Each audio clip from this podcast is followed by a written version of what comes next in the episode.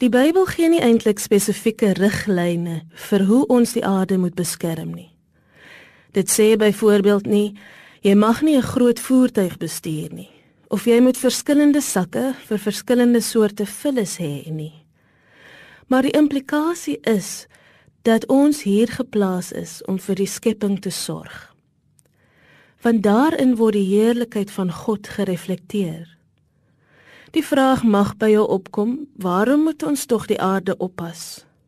Eenvoudig, want dit is nie ons nie. Ons besit nie die aarde nie en sal ook nooit. Ons is blote loseerders. Sommige van ons met langer termyne as ander, maar ons sal dit eindelik aan God, die eienaar, moet teruggee.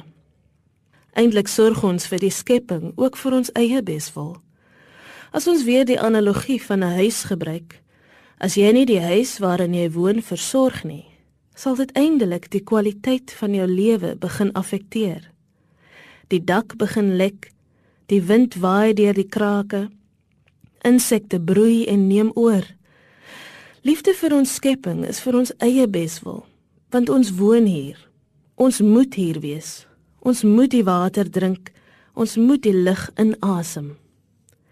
Versorging van die skepping is as ons verder as die hede wou dink, nie net vir ons eie beswil nie, maar vir ons nageslag.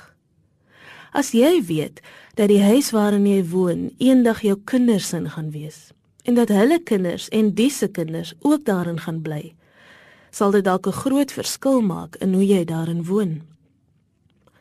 Ons kan nie verander wat in die verlede aan hierdie skepping gedoen is wat veroorsaak het dat ons verskeie uitdagings het van die ozonlaag tot by die menigte siektes wat ons en ons geliefdes tuister nie. Maar ons kan heel wat doen aan hoe ons van hier af vorentoe met die skepping handel. My hart breek as ek sien hoe maklik mense rommel strooi water mors, die grond uitdroog met sekere uitheemse plante. Vir die rede dat dit eenvoudig gerieflik is om nie aan die gevolge te dink nie.